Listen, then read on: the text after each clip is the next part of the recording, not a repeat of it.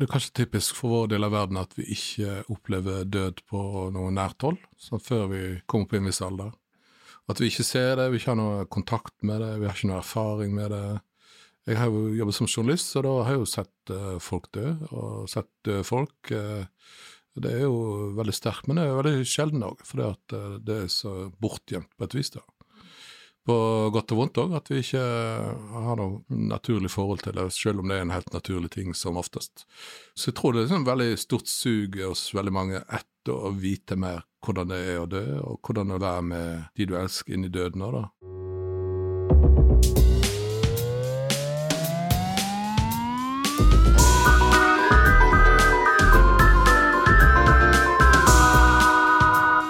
Velkommen til en ny episode av Olaug og Aubert på Litteraturhuset. Dette er sesongfinalen, og vi syntes sånn sett det var passende å slutte av med en episode om døden. Hvorfor har vi behov for å skrive om døden? Hva får vi ut av å lese om det å dø, og hva tenker vi om døden selv? Så i dag sitter jeg, Marie Aubert, på Litteraturhuset i Oslo. Og på linje fra Litteraturhuset i Bergen finner vi Olaug Nilsen. Hallo til deg. Hallo. Og dagens gjest, Frode Grytten, hei. Hei, hei, hallo, hallo. du er med oss for å diskutere døden og din nye roman, Den dagen Nils Vik døde. Og den vant nylig selveste Brageprisen. Gratulerer, Frode. Jo, tusen takk. Å, det er fantastisk å vinne Brageprisen. Ja.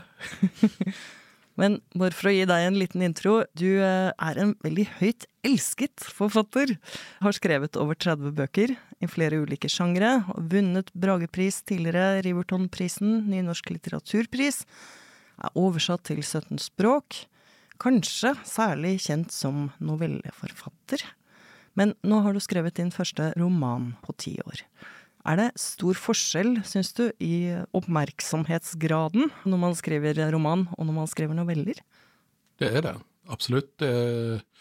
Jeg har jo vært heldig i det. Jeg har stort sett skrevet noveller, som du sier, og kanskje tenker på meg selv som novelleforfatter og fått um, oppmerksomhet for novellene òg. Men uh, det er klart at uh, apparatet og bransjen og alt rundt vil jo ha romaner, for det er lettere å håndtere på mange vis. Det liksom ett tema om gangen og en helhetlig fortelling ofte som ja, kommer gjennom på en annen måte enn kanskje noveller gjør det. Ofte har jeg tenkt på noveller som en slags barnesykdom, så forfatteren må vokse seg ut av det. Så må de bare bli ferdig med. Så det er jo en slags dyrking av romanen i verden. Det er det jo. Vi syns i hvert fall det var en veldig fin roman, mm. og sentral i det vi skal snakke om i dag. Ja. Og vi skal bli bedre kjent med Nils Vik snart, men vi skal aller først konsentrere oss litt mer om døden. Jeg har funnet en definisjon på døden fra Store medisinske leksikon. Liv er summen av cellenes organenes virksomhet. Når denne virksomheten opphører, inntrer døden, mors. Det kan være vanskelig å si eksakt når døden inntrer, siden organismenes forskjellige celler og organer ikke opphører å fungere samtidig. Død defineres medisinsk og biologisk som irreversibelt opphør av et individs liv. Mors. Ja. Det hørtes Mors. veldig skummelt ut. Ja. Derav har du rigor mortis, som er det latinske begrep for dødsstivhet, for mm. eksempel. Og skjønnlitteraturen bearbeider og nærmer seg døden på helt andre måter. Det er jo et av de virkelig, ordentlig kjempesvære temaene i litteraturen. Og vi kan jo begynne med sånn, hvorfor er den det? Hva sier du, Olaug? Nei, Det er vel nettopp det at det er irreversibelt, og at vi ikke veit hva som er på den andre sida. Det er store muligheter for å spekulere og lage gode historier. Hva sier du, Frode? Ja, så det er jo noe vi har felles med å bli født, og vi skal alle dø. Så det er jo en slags felles erfaring som vi eh, må forholde oss til. Vi vet at vi skal dø, og vi og forberede oss til det. Så vi gjemmer det vekk, og vi tuller med det, og vi uh, ser vekk fra det. Men uh, på et eller annet tidspunkt så kommer døden til oss, og det er jo naturlig at en skriver om det òg. Mm. Det hadde vært veldig rart hvis forfatterne ikke brydde seg med døden i mm. litteraturen. Det er jo som kjærlighet og havet. Ja. ja. Og du da, Marie? Jeg tenker jo det det er jo det der å prøve å forstå det man ikke kan forstå. Og det er jo en ting litteratur alltid prøver på, kanskje. Og det er veldig sentralt i all religion, alle sånne svære begrepsapparater, å prøve å forstå døden, forestille seg hva som kommer etterpå. Mm. Fordi det er helt umulig å forestille seg det å ikke skulle være til. Så prøver man jo liksom å sirkle det inn på en eller annen måte, og kanskje overskride den der uforståeligheten litt, da. Vi snakka litt i forkant om at greske myter, Bibelen, alle sånne religiøse, både muntlig og skriftlig kultur, er veldig opptatt av den. Det er jo sånn noe av det tidligste vi har, å lage mm. rammer rundt det å dø. Men har du noen um, favorittfortellinger om døden fra gammel litteratur, Olaug? Ja. Rungende ja. ja, ja. ja. Men jeg syns det er masse gøy fra den gamle litteraturen. Og ikke minst så syns jeg at det er gøy med helvete fra Den guddommelige komedie av eh, Dante. Altså For i Den guddommelige komedie så skriver Dante både om helvete og himmelen. Men himmelen er jo gørr kjedelig. Det er jo helvete som er interessant, og som har eh, kraft og liv, og som er gøy å lese. Både i nynorsk og i bokmåloversettelse. Selvfølgelig best på nynorsk. Over døra til eh, helvete så står det på nynorsk Lat all von fara, det som inn lyt skrida. Og det som er gøy med den reisa som Dante gjør gjennom helvete, det er en sånn nitidig og grundig inndeling av de forskjellige nivåene i helvete. Det er ni sirkler i helvete, og de er delt inn etter hvor ille forbrytelse du har gjort i livet ditt. Og så står det hva slags straff du får, da, per hver enkelt forbrytelse. Og jeg kan ta noen av dem. Den første sirkelen, det er limbo. Og limbo det er for de som ikke visste at de måtte tro på Gud for å komme til himmelen. Og de får ikke straff, de har ikke synder, men de får ikke komme til Gud. Så de blir i et sånt der eh, mellomrom som heter limbo. Andre, tredje, fjerde og femte sirkel det er for de som har begått synder fordi de ikke kunne kontrollere begjær og lyster. Og de vellystige de er fanga i en storm der de aldri får berøre hverandre igjen. Og de glupske de ligger med andletet i søla mens de blir gnagde i stykker av Kerberos. Og de grådige de må skyve steinblokker, og de hevngjerrige, og det er de aktivt vrede, de må slåss mot hverandre i styks, det er elv. Og de hatefulle, som er passivt vrede, de er fanga under vannet i den samme elva. Og så syns jeg at det er interessant hvordan syndene blir rangert, og at det blir verre og verre jo lenger inn en kommer. Det er eksempel verre å ha utført sjølmord enn det er å øve vold mot mennesker. De som har øvd vold mot mennesker, de har havna i ei elv med kokende blod. Men de skal få bli gjenfødde på den ytterste dag, men det skal ikke sjølmorderne. De er omskapt til svarte tre med torner for at de ikke skal kunne komme inn igjen i kroppsform og stå opp igjen. Og så kan jeg nevne at migrarar, de er stenka i menneskeekskrement. jeg syns det var litt rart at de kom så langt inn i sirklene i helvete.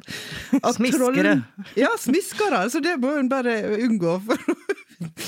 ja ja, det er jo for så vidt kanskje verre å bli brent enn å bli innsmurt i menneskeekskrement. Men det er plassert lenger inn i helvete. Så rent objektivt sett er det vel det. Ja, jeg skal si et par ting til. Trollmenn og falske profeter har fått hovedene vridd om, slik at de bare kan se hva som er bak dem. Ah, og korrupte politikere de er fanga i en innsjø av brennende bek. Er noe med forrædere også. De er veldig, veldig innerst i helvete. Ja, de er aller innerst i helvete, forræderne. Ja. ja. der husker jeg fra litteraturvitenskap og grunnfag, og der finner vi i hvert fall Judas, ja. som forrådte Jesus. Og så finner vi også Brutus og Cassius fra Men, romertiden. Men husker du hva det var straffa deres var? Nei, jeg husker ikke hva det var. Nei. Jeg husker ikke hva, hva foreldre ble straffet med. Men det var i hvert fall den ypperste dødssynd. Det kanskje var både å være innsmurt i menneskeekstrement og, og være kokende blod ja. samtidig. Mens du driver med daytrading. Ja. ja. Så du ser på daytrading mer som en straff enn ja, som en synd? Det må det jo være. Ja. Ser jo det. De skal låses evig fast til sitt tastatur. Ja. Og aldri få komme ut av statsministerboligen. Hva er det du liker med dette, Olaug? Hva jeg liker med ja. Jeg ser fram til det. Nei, jeg syns det. Jeg syns.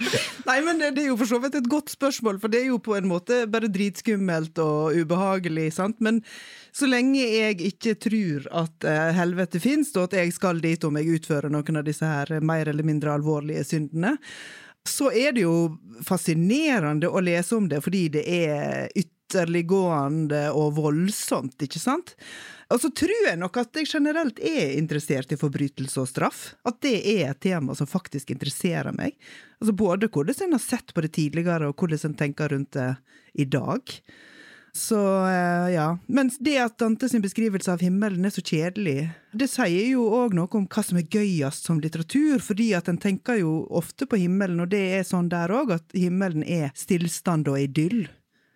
Og det er jo ikke så Altså, hva kan du egentlig skrive om stillstand og idyll som er interessant over mer enn ei halv side? Det er, jo, det er jo noe med det, da. Men du da, Marie? Hva er din favoritt fra gamle Fra gammelt? gammelt? Eh, jeg har alltid vært ganske glad i den uh, greske fortellingen om Orfeus og Evridike. Der er det Orfeus som er helten, og han får lov å dra til dødsriket og hente tilbake kona si, Evridike som er død. Men han får bare lov å hente henne opp igjen til de levendes verden på betingelse av at han ikke snur seg, for hun går bak han mens de eh, går veien opp fra dødsriket. Og han må ikke snu seg, eller mot henne, for da har han tapt. Da må hun mm. bli igjen. Og så klarer han ikke la være å snu seg og sjekke at hun fortsatt er med. Mm. Og da glir hun bakover. Ja. Så da blir hun borte for bestandig. Ja. Og det motivet er veldig mye brukt i mye annen litteratur også. Men det er noe sånn det er veldig fint med det. At jeg liksom klarer ikke la være. Mm. Selv om alt står på spill, så er det så grunnleggende å snu seg etter den man er glad i. Men um, hva slags forhold har vi tre til det å dø? Vi kan jo begynne med, har vi skrevet om det? Har du, Olaug? Nei.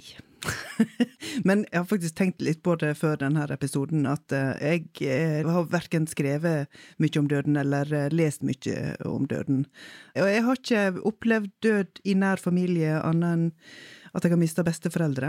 Og det er såpass langt ute, altså det er ikke nært nok til at det blir så omveltende, fordi de òg var veldig gamle når de døde. Langt ute i 90-åra. Mm.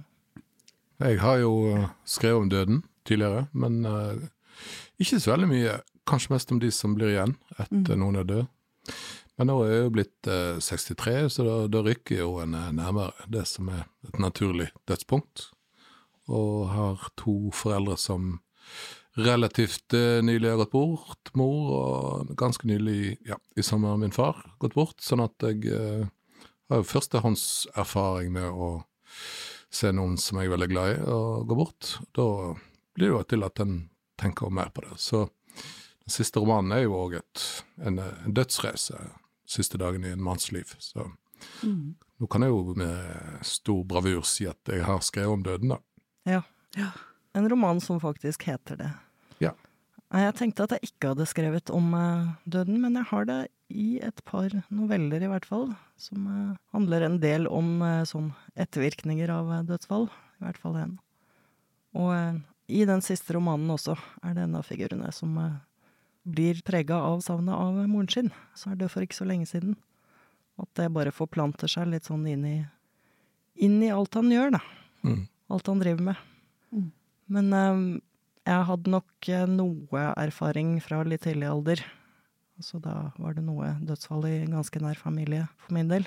Og det er liksom før jeg husker det noe særlig godt før jeg kan liksom eh, si at jeg sørget på den og den måten, eller noe sånt. Men jeg tror det likevel prega ganske mye av kanskje hvordan jeg så på verden. Tror jeg det kan ha gjort.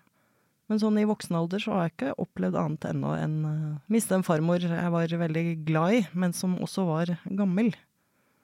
Så det er trist når besteforeldre dør. Det er ikke en tragedie mm. på samme måten som når det kommer uh, brå død som er tidlig, på en måte. Det er kanskje typisk for vår del av verden at vi ikke opplever død på noe nært hold, sånn før vi kommer på en viss alder. At vi ikke ser det, vi ikke har noe kontakt med det, vi har ikke noe erfaring med det. Jeg har jo jobbet som journalist, så da har jeg jo sett uh, folk dø, og sett døde folk. Uh, det er jo veldig sterkt, men det er veldig sjelden òg, uh, det er så bortgjemt på et vis. da. Mm. På godt og vondt, kanskje litt på vondt òg, at vi ikke har noe naturlig forhold til det, selv om det er en helt naturlig ting som oftest. I hvert fall de fleste dør jo naturlig. Så jeg tror det er sånn veldig stort sug hos veldig mange etter å vite mer hvordan det er å dø, og hvordan å lede eller være med de du elsker, inn i døden òg, da. Det merker jeg jo når jeg sjøl har foreldre som har gått bort, at uh, når jeg snakker om det, så er folk veldig nysgjerrige, selv om det er en sånn terskel for å spørre om det og snakke om det. Men når du først gjør det, så er det sånn åh, ja, folk blir veldig takknemlige for at du gjør det. Mm. For det er masse å lure på, sant? og det er en vanskelig situasjon, og du har ingen Du har ikke gått på så veldig mange skoler. Det finnes jo kurs for å lære eller vite mer, da. men uh, det er en veldig uh, spesiell situasjon, og veldig krevende òg. Veldig vondt, og veldig vakkert òg, egentlig, når noen mm. går bort, i hvert fall hvis det er naturlig dødsfall. Mm. Men eh, det er vel gjerne òg mange som faktisk holder det på avstand, altså mer eller mindre bevisst, før en eh, er i den situasjonen at en sjøl skal følge opp et døende menneske. Altså, for, eh, kan vel ha en sånn tanke om kanskje at det, ja, det vil jeg helst slippe å tenke på før det blir min tur, altså. Ja, det er vel en slags beskyttelse i det, da. Ikke holde på med de tingene. Du skal ikke gå rundt og tenke altfor mye på det, sikkert. Men det kan jo skje fortere enn en tror, da, noen ganger. Og da er det kanskje greit å være litt forberedt på hva en skal eh, gjennom òg. Og ja. Eh, vi har jo liksom en sånn dyrking av ungdommen og tidlige fasen av livet, da, mens den siste fasen av eh, livet er sånn bortgjemt. Mm. Og så vil vi ikke ha noe med, eller vi vil ikke se det. Sånn vi stuer vekk de gamle, og så stuer vi vekk de som dør, og så skal de skje eller sånn Lukke rom og sånn, og så skal vi ikke snakke om det heller, da. At det er liksom mm. tabu å snakke om det. Og hvis du snakker om det, så blir det feil. Eh, men jeg syns vi skal snakke mer om det. Og mm. Det der åpenhet har jeg så veldig sånn dobbelthet i meg om, for det at noen ganger kan det bli spekulativt. da. Men uh, jeg tror det hjelper i hvert fall at en vet litt om det. Og, mm. og, og tenk at det, det, er jo ikke én måte å gjøre det der på. Det fins jo ikke fasit av hvordan en skal møte døden. sant? Verken sin egen eller andres død. Så jeg må liksom finne sin vei i dag. og ta farvel med de som en elsker, på sin måte òg. Mm. Ja. Og nå kom jeg på, når du snakka, at uh, i en av uh, Marit Eikemo sin roman, og nå husker ikke jeg i øyeblikket hva slags av det det var, der var det en hovedperson som uh, tilfeldig kom inn, altså ble sittende og våke over ei kvinne som skulle dø. Og så, når kvinna var død, så tok hun flere bilder av henne som hun delte i sosiale medier. Og så fikk hun masse kjeft for det, da, at hun hadde gjort det. Men hun i den romanen syns jo at uh, hun ville dele den opplevelsen av å ha vært til stede når hun døde, da. Så det er jo Ja, nå ja, komisk òg! Ja, det er jo komisk, ja. sant. Og det er det jo òg. Døden er jo komisk. sant? Det er jo et slags eh, svart uh, punkt i livet, men altså svart har jo veldig komisk potensial. da. Ja. Så det, det, er jo en slags uh, overlevelsesmekanisme i det. Da. At når du møter døden, så må du òg le, for det er jo veldig komisk. For det, det vanlige livet det dundrer og går der, sant? Mm. parallelt. Ja. Og så må du jo, må gå og spise. Ja, ja. og du må jo sove av og til. Og, ja. Så du kan ikke liksom være opptatt av døden hele tida. Så plutselig er det en brannkamp, sant, så du skal ja. se. så da min far døde, så uh, var det liksom uh, akkurat uh, når Brann spilte mot HamKam. Kampen begynte, og så skjønner du jo at folk skal dø. Sant? Det skjønner du jo noen døgn før som oftest, da. Men liksom ti på fem, så sier jeg til sønnene mine som var der òg, så håper han dør før fem, så jeg får sett brannkampen.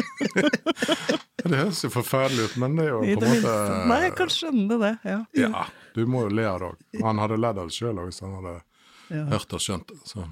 Ja, men døde han før fem, da? Ja, det er det fem over fem. jeg så ikke noe brannkamp da, men Nei. det gjorde jeg ikke. Nei. Jeg tenker litt på det du sa der om at vi dyrker ungdom i ganske stor grad, og noe annet jeg syns vi dyrker, er jo sunnhet. Det er veldig sånn tendens til at alvorlig sykdom f.eks. blir jo bare betrakta som et litt sånn avvik, og noe du kan forebygge med å leve sånn eller sånn. Selv om det rammer veldig mange mennesker, og selv om det er helt vanlig. Og det tror jeg også er skrekken for at dette kan skje med meg. Akkurat som døden er noe sånn som dette kan også skje med meg. Mm. Nei, men Når du hører folk snakke om f.eks. alderdom og død, ja, særlig alderdom eller siste delen av livet deres, så er det veldig ofte unge eller middelaldrende snakker om det, som om de skal gjøre alt det de gjør som unge og middelaldrende når de er gamle. Og de skal stå på ski, og de skal drikke vin, og de skal gå på konserter. Og, men på et eller annet tidspunkt så blir jo alle mennesker fanget i den alderdommen. Da. Du blir på en måte kapslet inn. og Plutselig kan du ikke høre ordentlig, så kan ikke du gå på konserter. Du kan ikke bevege deg, så kan ikke du klatre opp på en fjelltopp. Du kan ikke gjøre ditt og datt. sant? Og livet ditt blir et helt annet liv. da. Så den tanken vi har om at vi skal leve et evig ungdomsliv, da, den er liksom satt veldig i vår tid. Og så er det jo ikke sånn. Så på et eller annet tidspunkt så blir livet ditt veldig begrenset, for det ja, kroppen eh, slår til med sine ubehageligheter. Sant? Og så mm. blir livet ditt kanskje én etasje i ett rom, eller sånn. Og det Jeg er ikke så redd for å dø, men jeg er redd for den, den døden som kommer før døden, der du ja, hodet ditt ikke funker lenger, kroppen din ikke funker lenger, du vet ikke hva verden er. Det syns mm. jeg er mye skumlere enn det der uh, scenarioet med å dø. Kanskje ikke akkurat det helvete som du nevnte med Dante nei, og sånn, men jeg tror jo at døden er et sånt uh, nullpunkt, eller der vi mm. går tilbake til ingenting, da. Mm. Så sånn sett er det ikke så mye å være redd for. Og det kan mange ganger være lettelse, tror jeg, for folk å dø. Mm. Uh, for da er du fanget i den alderdommen der du vil ut av den og ikke har egentlig noe liv lenger. Og du bare ser at uh, det å dø vil hjelpe både deg sjøl og de rundt deg. Mm. Og Det er jo veldig vondt, men det er òg kanskje en sånn utgang som kan være fin òg, uten at uh, jeg skal si at det finnes noen fasit for det, for det der er jo veldig individuelt. Mm. de fleste har jo sånn livskraft i seg. Selv om de har et liv som er begrensa, så har de en livskraft i seg. Og det hadde far min. Han, han ville leve. Mm. Så selv om hans liv plutselig var bare én etasje i heimen hans, og se på fotball på TV, og ikke kunne komme seg så mange steder da, så ville han leve det, og det sa han jo. Så ja. ja.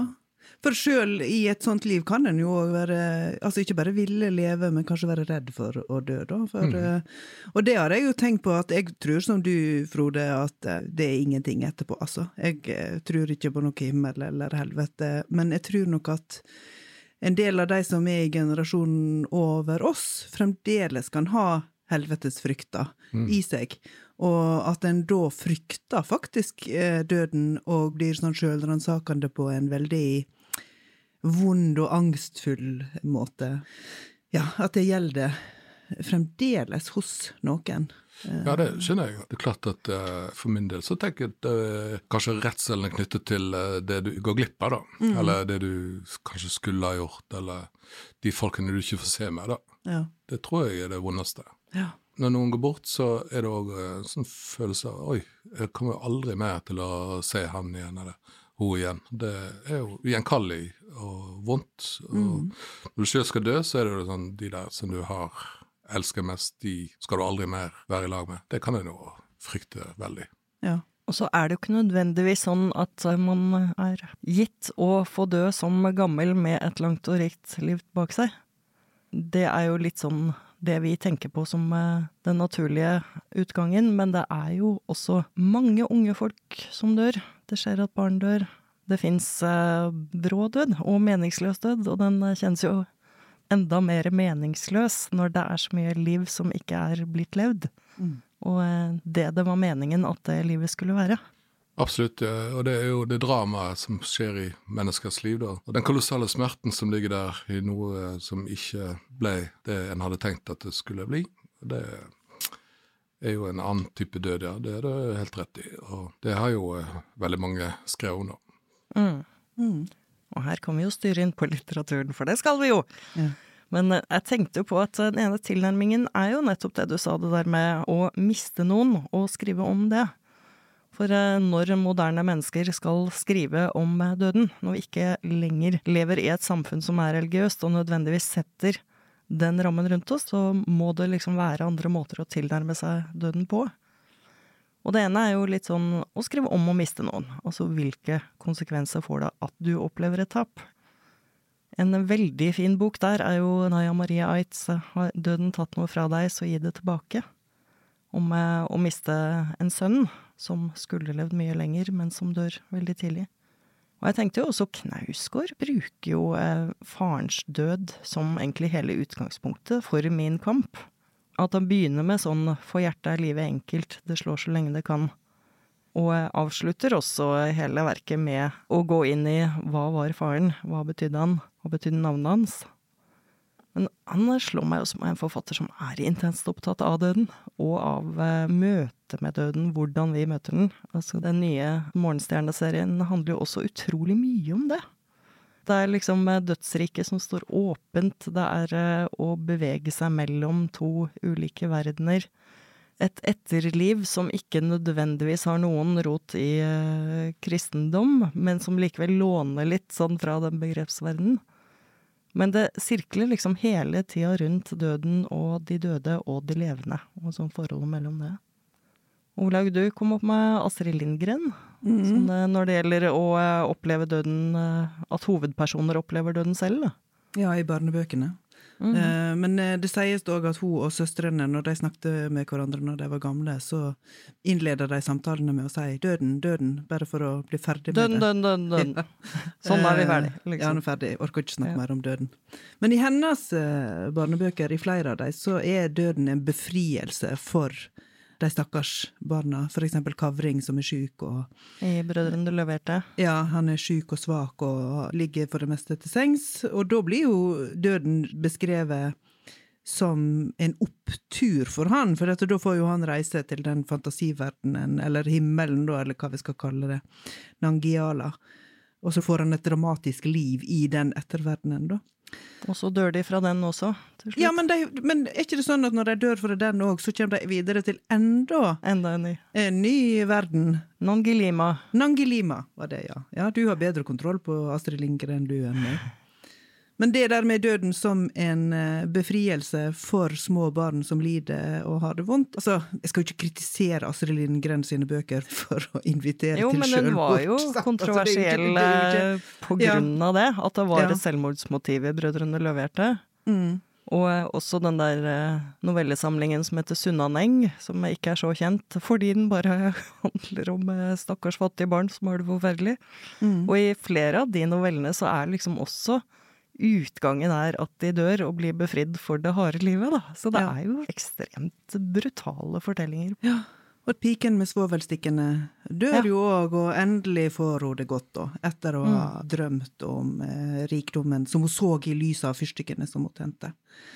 Og jeg som er en eh, stor velferdsstatsentusiast Jeg vil jo at det skal finnes andre løsninger for fattige barn enn å dø, da. Mm. Men dette er for så vidt et sidespor. Du har jo òg eh, romaner der døden ikke finnes, da. José Saramago skrev en veldig fin roman som heter Dødens uteblivelse, der folk slutter å dø, da. Og det virker jo ikke som det var noen god løsning heller. Nei.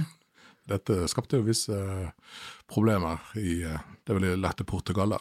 Ja. Så det er en slags eh, satirisk og magisk realisme som skjer der med at døden rett og slett uteblir. Så tror vi skal ha døden nok ja. i livet. Ja, for det må jo bli en viss oppsamling da, av folk. ja, det blir det. Jon Eivind Lindqvist uh, har jo den der eh, flotte skrekkromanen som heter 'Håndtering av udøde'. Mm. Hvor de døde kommer tilbake igjen da det skjer et eller annet. Sånne brudd i elektriske baner, og så vi får ikke helt noen forklaring på hvorfor det blir sånn. Men de kommer tilbake, og de er jo ikke lenger seg selv. De oppfører seg som zombier, på en måte, men de etterligner livet. Mm. Og det blir jo bare forferdelig ubehagelig for alle. Mm. Jeg har skrevet Saganatt, og der er vel tredjedelen udøde ja. sosialdemokrater som kjører rundt i Toyota for å prøve å kontrollere sosialdemokratiet. Litt sånn som makta på Ja, det var det. En uh, pilot til makta, det der. Det var jo Bratteli og Gerhardsen som kjører rundt i skyggenes dal, da. Mm. Og finner ut at kanskje det ikke er helt gått bra med sosialdemokratiet. Men har du andre bøker om døden som du liker, Frode? Altså Her blir det jo på en måte så svært at vi bare må ta sånn en og annen vi liker, for vi kan ikke liksom dekke dette feltet. 100%. Ja, ja, vi nevnte jo Saramago, men han har skrevet en mm. veldig flott roman som heter Det året Ricardo Reis døde, som er jo en av favorittromanene mine. da. som handler om en mann som kommer tilbake til eh, Lisboa, det er vel i 1935 eller noe sånt. Og så følger vi han gjennom det året der han rett og slett dør. Men det er jo en slags eh, ja, eh, Fernando Pessoa han hadde jo mange forskjellige sånn etronymer eller karakterer som han drev og lekte seg med, da, og Ricardo Reis var en av de, da. Så den som henter han til dødsriket her, er jo faktisk Fernando Pessoa, da, som henter oh, ja. Ricardo Reis. Egentlig hans egen karakter, da. Ja. Så det er en slags eh, metaspiller òg i den romanen. Men det er en veldig, veldig flott roman om det siste året i en manns liv. Jeg vet ikke hvor mye det sier om død, men det er utrolig flott portrett av både byen og tida, og, ja, og personen da, som er, kanskje har gått litt feil i livet. og Prøver seg halvhjertet på noe kjærlighetsaffærer og sånn, men jeg vet at dette er slutten. da. Ja, en nydelig roman. Jeg tror jeg finner litt sånn trøst i skildringer hvor døden er en slags venn. Hvor døden er snill. jeg kom på den der uh, Alf Prøysen har et uh, dikt som heter Eventyr. Som var noe av det første jeg kom på da vi snakka om litteratur om døden. Hvor det er en gutt, en liten gutt som dør.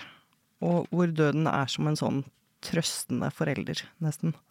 Hvor han er redd for å ikke komme til himmelen og sier noe sånn om at ja, men jeg har rappa småpenger, og jeg har, jeg har sagt så mye stygt om Martina Eng, eller hva hun heter, og, og døden sier hun har sagt litt om deg òg. Mm. Jeg syns døden har så fine replikker. Og det, det, er vel noe av den der trøsten jeg kan finne i, i salmer også, faktisk. altså. Mm. Så har jo uh, Nick Cave uh, tematisert dette her, sant, gjennom at ja. han mistet en sønn da, som hoppa utfor en klippe og døde. 15 år gammel var han vel. Mm. Han og Naya Maria har hatt litt sånn interaksjon. Ja, det kan jeg skjønne. Men de platene han har lagd etter sønnen gikk bort, er jo både veldig, veldig vonde og veldig, veldig vakre på samme tid. Så se hvordan denne sorgarbeidet blir nedfelt i alt han gjør, og måten han er på. Ja, måten han òg reorienterer seg i, måten han skriver på. og forholder seg til publikum på som liksom en helt annen mann enn den han var før det dødsfallet. da. Og så er det australsk gruppe som heter The Apartments. Nå har jeg glemt tittelen på den plata, men uh, han som skriver sangene i The Apartments, han har skrevet en veldig veldig flott sånn syklus der han mister sønnen sin, og skriver de sangene om tapet og alt som skjer med familien og med kona og han underveis. Uh, den uh, anbefaler jeg veldig sterkt.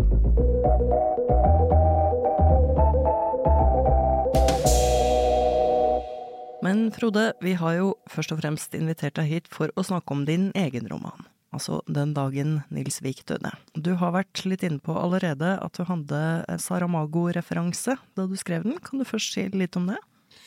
Ja, den uh, hilser jo til uh, Saramago-romanen, da. Men det er jo sånn at uh, i hvert fall i mitt tilfelle så kommer jo disse inspirasjonskildene, de er mange. Så det er mange flere, da ikke minst min egen uh, morfar, Fredrik Moss, som var skysportfører i Hardangerfjorden fra han var 14-15 år.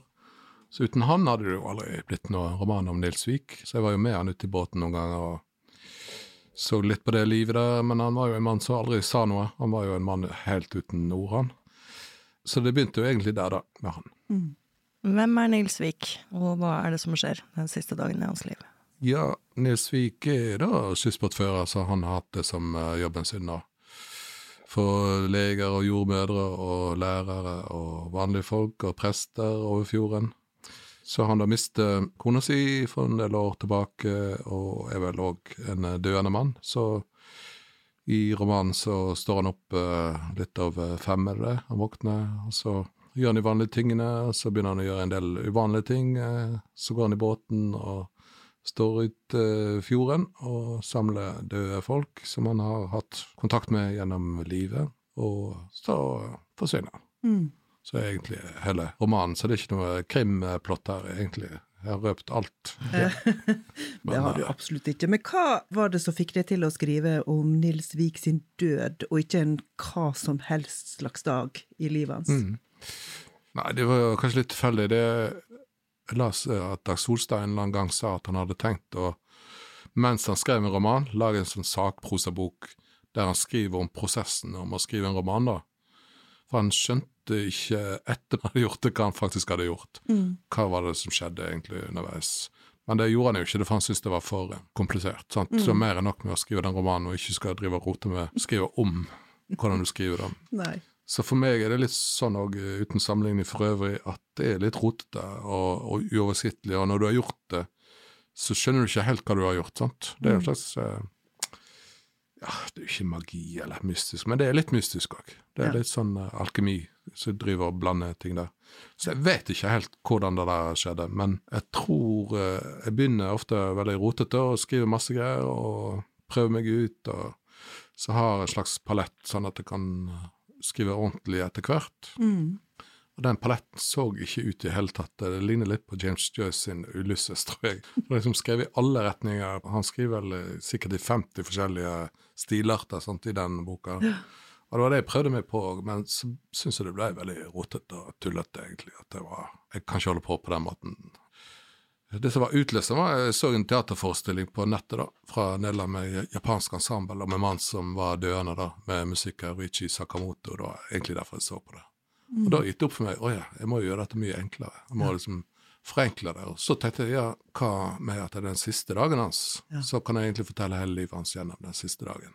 Så det var å se den der teaterforestillingen som var veldig sånn sakte og meditativ og veldig vakker, men òg ekstremt enkel. Så tenkte jeg ja, OK, Ja. nå må jeg bare gjøre det enkelt. Ja. ja, men det er ikke det dummeste. Døden er enkel. Det er jo uh... Ja, den er enkel og kompleks, selvfølgelig, og sammensatt, og masse forskjellige følelser, da. Ja. Men da hadde jeg i hvert fall et grep som gjorde at jeg kunne fortelle om livet hans. Ikke sant? Og det hadde jeg ikke før, for da hadde jeg 50 forskjellige grep, og det funker jo ikke, da. Nei. Men du skrev den eh, ferdig mens faren din døde? Ja, da var den for så vidt nesten ferdig, da. Mm. Så det var liksom siste arbeid med litt redigering og litt uh, korrektur og sånn. Og... Men det var jo veldig spesielt. Jeg må si, det er jo noe som du ikke kan planlegge i det hele tatt, eh, selvfølgelig. For jeg visste jo ikke at han skulle dø da. På et vis var det veldig fint, for at jeg kunne gå inn i arbeidet og sitte der og holde på med det. Det er en slags beskyttelse i det òg, selvfølgelig. Mm. Men det var akkurat som hele teksten vendte seg mot meg og sa at ja, det er dette det handler om. Det er jo rett foran deg her. Ja. Så det var en veldig rar eh, opplevelse. At, eh, at teksten på et vis hadde lag seg til, men at den da snudde seg rett og slett mot meg og min egen far, som lå der, da. Ja, Det var sterkt òg, det. Ja, det var det, og jeg skulle jo gjerne ha hatt den til å lese den eh, teksten, ja, men uh, jeg skulle jo lest foran den, men uh, på et helt tidspunkt så er jo det òg for seint, at du ikke kan gjøre det. Det er ikke noe Nei. poeng å gjøre det da.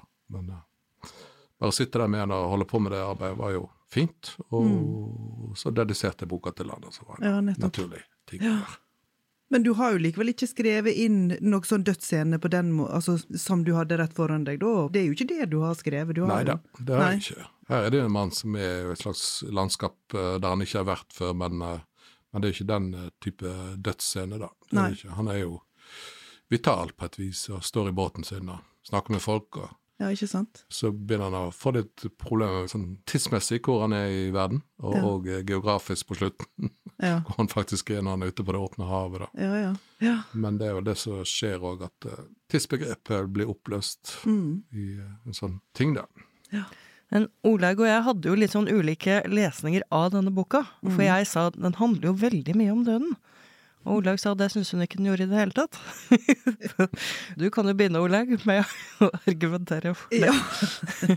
Det høres så frekt ut å si 'nei, den handler ikke om døden' i det hele tatt. Men eh, det er jo ikke noe nedvurdering av boka å si at den handler om livet, vil jeg jo mene. Men, men du sier det jo òg sjøl at eh, Nils Vik Vi får jo hele livshistorien hans gjennom møtene med de forskjellige personene som han møter i båten.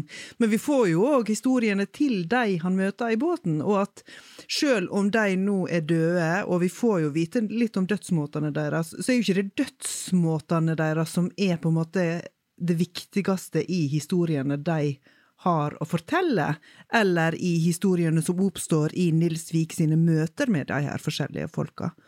Og jeg har jo sagt det til deg, Frode, før, at min favorittperson i boka er Kari Aga. Altså, størsteparten av fortellinga om Kari Aga er jo når hun er sjuk og snart skal dø. Og da blir eh, Nils Viks oppgave å handle varer til henne, samme varene hver gang, skrevet ned på en handlelapp, og det skal han sette på brygga. Og det gjør han, og han er en handlingas mann. Bokstavelig talt. Ja, bokstavelig talt en handlingas mann. Men det er han jo òg i flere av historiene, at han griper jo inn og sørger for at folk får det bedre. Han er en handlingas mann. Ja, han. Men han snakker ikke så mye, og det samme gjelder nok egentlig for Kari Aga. Men eh, kona til eh, Nils Vik syns at eh, han blir nødt til å reise opp og se hvordan det står til med henne. Og til slutt så gjør han det òg. Og da er det ei veldig fin scene mellom de to der Jeg, skal, jeg kanskje ikke skal røpe hva han faktisk gjør, men poenget der er at Kari Aga blir nødt til å komme med en sånn slags siste livserkjennelse om at hvor lite du enn skulle ønske at du gjorde det, så trenger du faktisk andre folk i livet ditt.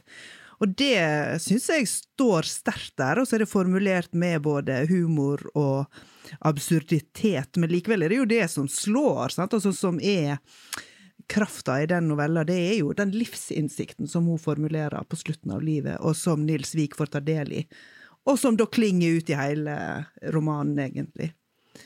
Men du, Marie, mener jo at det handler mest om døden, så nå får du forsvare ditt syn!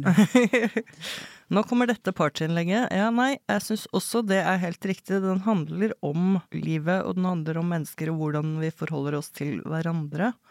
Og den handler om litt sånn kraften i det vanlige livet også, om hverdagen. At hverdagen er verdifull og storslagen. Men den ser jo disse tingene i relieff mot døden, mot opphøret. Det er jo en mann som står med den ene foten på den terskelen og ser bakover. Og eh, ser på hva har skjedd, hva har jeg oppnådd? Har jeg vært viktig, har jeg vært uviktig? Hva har alle disse menneskene betydd? Hva har han betydd for dem? Og det der motivet med båten er jo også Det er jo et helt konkret tema, selvfølgelig, med skyssbåt i en fjordarm. Men det er jo også et gammelt tema, for eh, den siste reisen å bli fraktet over og brakt til en annen verden. Så han er jo hele tida et sånt sted mellom døden og livet i denne siste dagen. Så det, det er jo mer, mer, sånn to sider av samme sak. At fortellingen um, ses gjennom døden, og døden får mening eller uh, kraft i lys av det livet han har levd. Mm. Vil du komme med fasiten? Nei, dette overlever at jeg trykte dere. Syns det var fint, begge to. Jeg tenker at forfatteren har ikke noe fasit, eller. Mm. Jeg har skrevet det, og når jeg har skrevet det, så har jeg gjort min jobb. Mm. Men jeg lurer litt på, hadde du noen tanker om hvordan du ikke ville skildre Nils Viks møte med døden? Altså, Fins det noen sånne fallgruver eller uh, klisjeer når man skal skrive om den uh, opplevelsen? Jeg tror ikke jeg tenkte så mye på det. Jeg sitter ikke og tenker så mye på hva jeg ikke skal Nei. gjøre, men mer på hva jeg eh, vil at det skal være. Og når jeg fant inngangen på det, så falt eh, det hele naturlig på plass, selv om det var hardt arbeid. Og slutten hadde jeg jo egentlig skrevet før jeg skrev det på midten. da. Så eh, Nei, jeg har ikke noe godt svar på det, egentlig. Det er sikkert masse du kunne ha gjort, og ting som jeg kunne ha utvikla, altså, men det blir nå sånn det blir. Og så likte jeg godt at det kom inn et kor på slutten der, der de som han uh, har hatt noe med å gjøre, får si noe om han. da. Mm. Det likte jeg godt. At uh, mm. jeg kom på det, at det utvider seg på den måten, og at han ja, egentlig bare forsvinner uten at det er så stort nummer ut av det. da. Mm. Det hadde ikke liksom vært hans stil. da. At det skulle være så svære ord på slutten. Mm. Han blir bare borte, han. Og så er det over. Lukker øynene. Ja. Mm. Tenker du at Nils Vik har vært en eh, god mann? Jeg eh, tenker det, ja.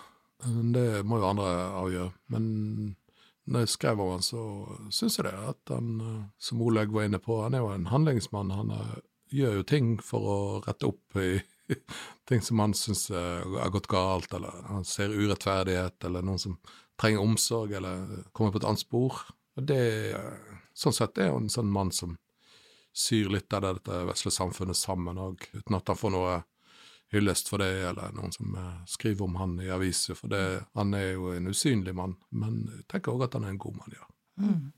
Og så er det også en fortelling om et helt samfunn, og kanskje også en sånn levemåte. Mm. Og et samfunn som går tapt eh, mens han opplever det og ser det, da. Det er en slags uh, tapsfortelling uh, òg, der det som han har elska, går tapt. Og sånn er det vel, at uh, verden endrer seg. Og du Han endrer seg, han òg, men ikke så fort som verden. Og det er jo en slags sorg og smerte i det, samtidig som han ser jo at um, endringen òg har positive sider, da. Han er, han er jo ikke en slags nostalgiker på den måten at han bare bejuble det som har vært, eller det som forsvant. Det er han ikke. Han liker jo for eksempel den brua som har fratatt han uh, yrket sitt. Ja, han syns den, det er fantastisk. Det er en uh, veldig flott skildring at han ser på den brua og syns den er Ja. så fin. Mm. han elsker òg uh, etter hvert byen og bylivet, da, for han må reise byen til kona for at hun skal på rehabilitering, og da har han en slags åpenbaring uh, egentlig der han oppdager byen med å bli en slags byvandrer. Mm. Så, så noen eh, nostalgisk mann eh, er han kanskje ikke, men han ser jo òg at eh, det landskapet som han har elsket, endrer seg og utarmes og overgis kanskje til byfolk som ikke har det samme forhold til selve arbeidssida av landskapet, ikke ser slitet av hverdagen, men ser bare liksom postkortdelen av det. Ja. Er det det landskapet bestefaren din opererte i som skyssbåtkar? Ja, det var det jo. Jeg tenker eh, det er ikke nostalgi jeg tenker nødvendigvis med en gang heller, men det er tap. Ja. Tapserfaring. Ja da, og det er lett å skyve ting unna ved å gi det sånn nostalgi-merkelapp. Det merker jeg jo innimellom. Men eh, jeg tror vi må òg innse at vi, når vi skriver, og kan prøve ut ting ved å vise hva som har vært og hva som er nå, holde det opp mot hverandre. Og så er det jo noe som går tapt, og så noe som er vinner. Og det er jo litt eh, interessant å se på. For det er jo noe som går tapt, da. Det er jo ikke noe tvil om.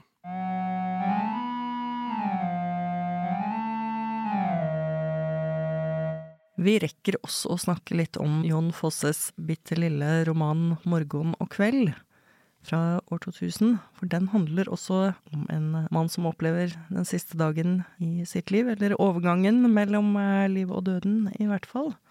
Så vi eh, tenkte nok begge litt på den, eller i hvert fall gjorde jeg det, da jeg leste Nils Vik.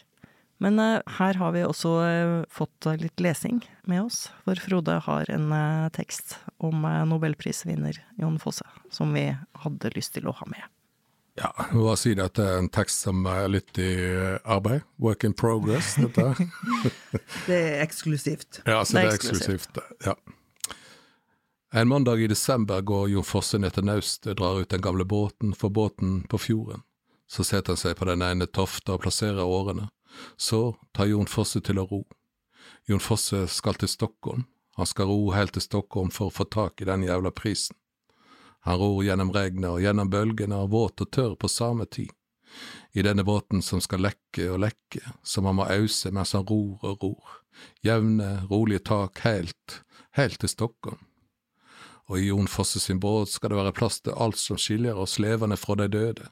En telefonkiosk og et pæretre og kopper og kar og steikepanner og røde sko og en gitar.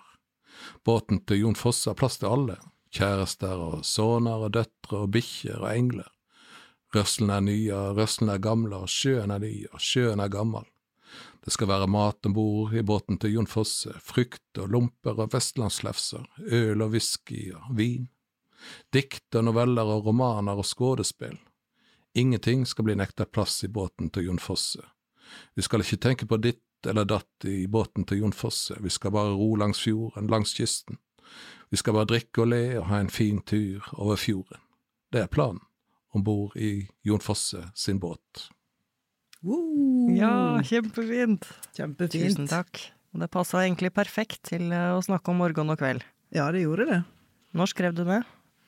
Eh, på fredag. Veldig bra. Ja. Strålende. Ja. Men tenkte du på morgen og kveld når du skrev eh, Nils Vik? Tenkte du på den? Skrev du av morgen og kveld når du skrev Nils ja, ja, jeg Vik? skrev rett av. Nei, jeg hadde jo den i bakhodet, selvfølgelig, for jeg har jo lest den, men jeg, eh, jeg unngikk den da jeg skrev. Det samme med Saramagos i bok. Samme med Det gamle mannen av havet og Hemingway. Så jeg las ikke de i det hele tatt. Så las jeg nå eh, morgen og kveld opp igjen, og ser jo at det har lagt i bakhodet. Sånn, så, sånn er det jo. Så en inspirasjonskilde er det jo helt opplagt. og Jon Fosse dukker jo på et vis opp i boka da, på gjør det med gitaren. Så han heter jo Jon òg. Akkurat. Ja. Det jo en slags eh, hilsen til han, da. Ja, ja, ja. Ja. Den sketsja ikke jeg. Nei, ikke heller. Nei, han har et annet etternavn, men uh, Ja, jeg tenkte jo på Jon Fosse, ja, så står der med gitaren. Langt hår. Ja. nettopp. Se der. Det er ingen andre som oppdager det heller, det er jo veldig rart. Nei, du, Jeg syns du, det var så opplagt at uh... Nei, men nå, nå sier du det her, så nå uh, kommer det til å nå smeller det. Nå smeller det! Skrev om Jon Fosse i plagiert bok. Jon Fosse raser. Nei. Nei, nå tuller vi for masse. Folk kan komme til å tro at vi mener det alvorlig. Ja, det tror jeg de tror. Ja. Men Marie, du tenkte på Morgen og kveld, eh, og Morgen og kveld er en roman som vel kom ut i 2000.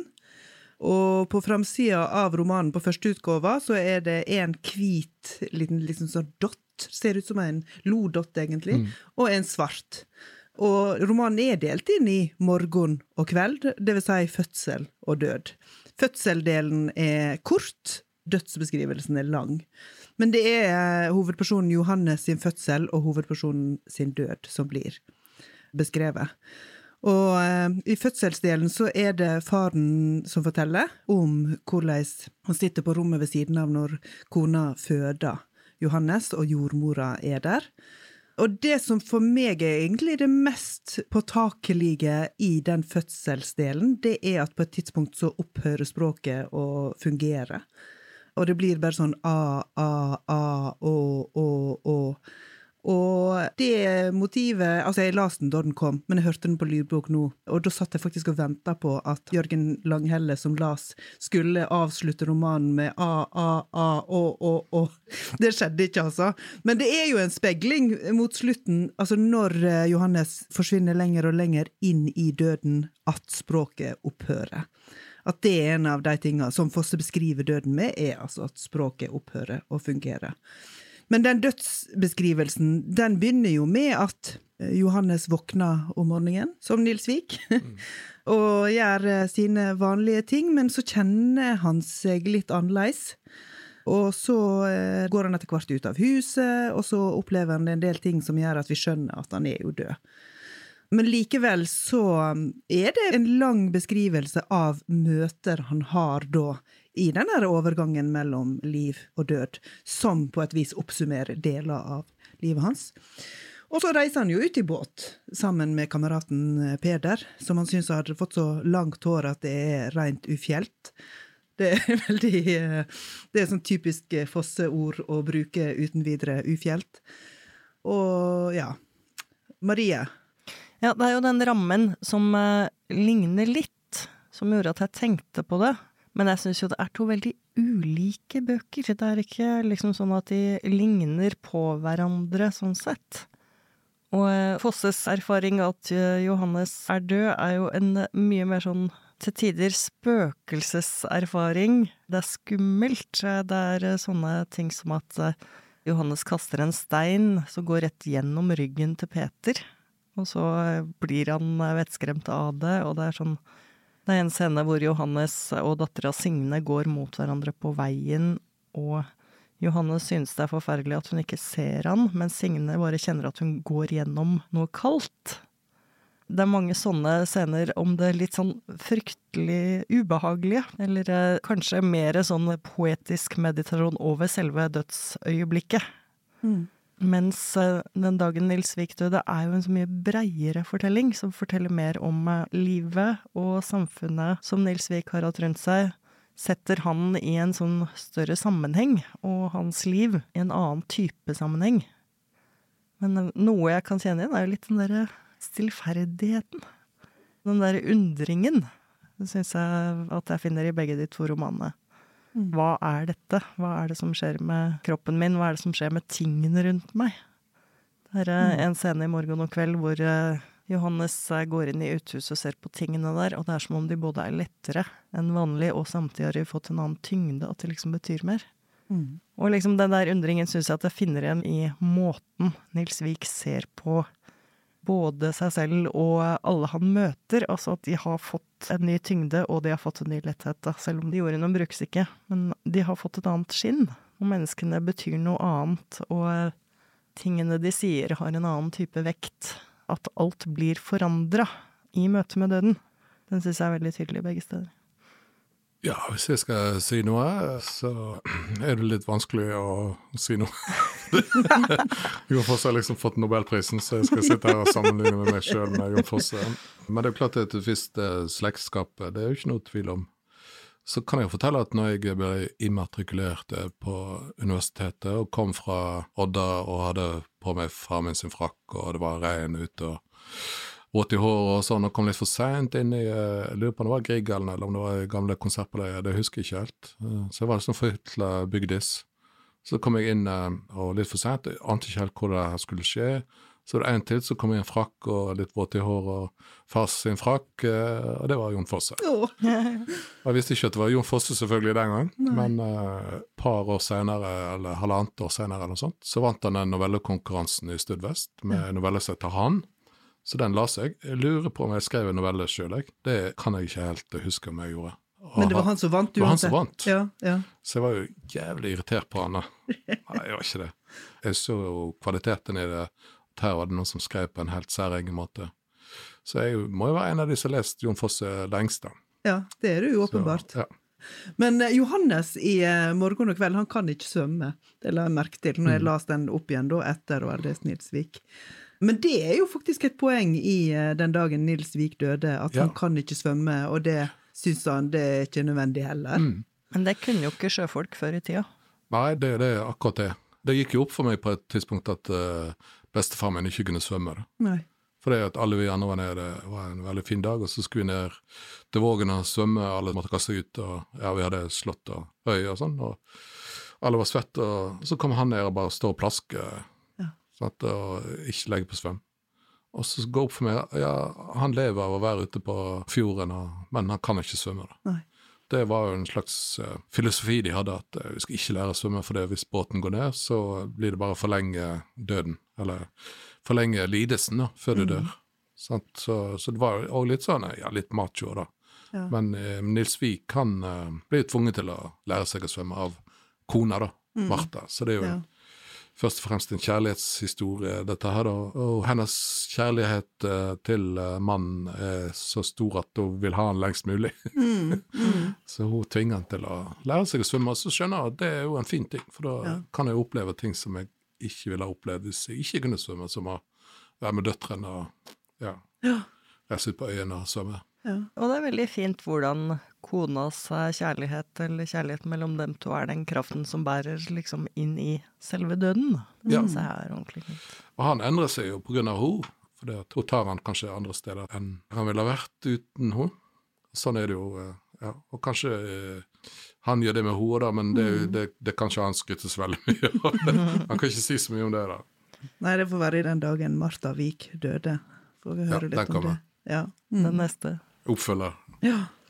Vi må runde av, men jeg syns vi har eh, vært innom mye som gjelder både døden, livet og kjærligheten, og stort mer kan man vel ikke forlange av en enkelt podkastepisode. Dette var eh, siste episode i årets siste sesong av eh, Olaug og Bær på Litteraturhuset. Etter fire sesonger så tar vi nå en liten pause, men alle tidligere sesonger finner du i din podkastspiller eller på Litteraturhusets nettsider. Så vi ønsker dere en veldig god førjulstid. Si det du også, Olaug. Vi ønsker alle ei veldig god førjulstid. og Frode, tusen, tusen takk for at du har vært med oss i dag. Ja, takk for at jeg eh, fikk komme og være med dere. Og vi har en uh, liten ekstragave på slutten til uh, lytterne våre. For uh, vi skal avslutte med en tekst til som Frode har skrevet. Kan du si litt mer om den før du leser den?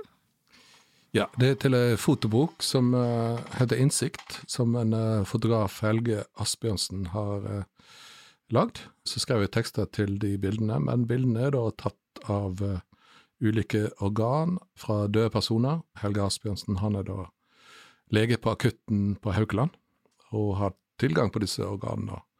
Fotografert eh, lårbein og hodeskaller og hjerter, og så har jeg skrevet tekster til de ulike organene, da. Så tenkte at eh, vi fikk eh, gå ut med litt eh, bravur her, så dette er da den teksten som handler om livmora, eller uterus, som det er på latin. Det finnes ingen natt uten morgen, slik Bob Dylan sang i 1970. Dylan synger helt enkelt om hvor glad han er for å være i live, under en blå himmel, sammen med ho han elsker, en ny morgen. Og det er vanskelig å vite hva den sangen faktisk kom fra. Han fantes ikke der før Bob Dylan fanga han, han bare dukka opp som en ny morgen. Alt som ikke finnes, hva finnes det, før det faktisk finnes det her? Som skåringa til Andres Iniesta i VM-finalen 2010. Hva fantes det målet før han satte ballen i nettet i andre ekstraomgang? Et mål som gjorde at Spania endelig ble verdensmester, og Iniesta kunne rive av seg drakta og vise fram T-skjorta der han har skrevet blått Dani Charquet, alltid med oss, ei hylling av vennen hans som døde året før. Og Iniesta må lage den T-skjorta om morgenen og tenkte at han skulle skåre seinere på dagen et mål som fikk en hel nasjon til å reise seg og juble i årevis når Iniesta kom på banen. Selv om de hater laget til Iniesta, så elsker de Iniesta. Og denne morgenen kommer et lys som finner bygningene, og finner gatene et skjevt morgenlys, og du venter med lengt på den nye boka til Alice Smith, den siste fire romaner om fire årstider. Så langt har du lest deg gjennom høsten og vinteren og våren. Nå er det bare sommeren igjen og boka skal komme i august, har du lest en sted, og du lurer på om Alice Smith er frisk og må greie å fullføre sin romankvartett. Du har lyst til å lese om sommeren. Lese om sommeren om sommeren. Vakna av at sola kjem inn vinduet, plukke opp Alice Smiths bok og lese mens kjæresten din sover sida di, så glad for å være i live denne nye morgenen med deg.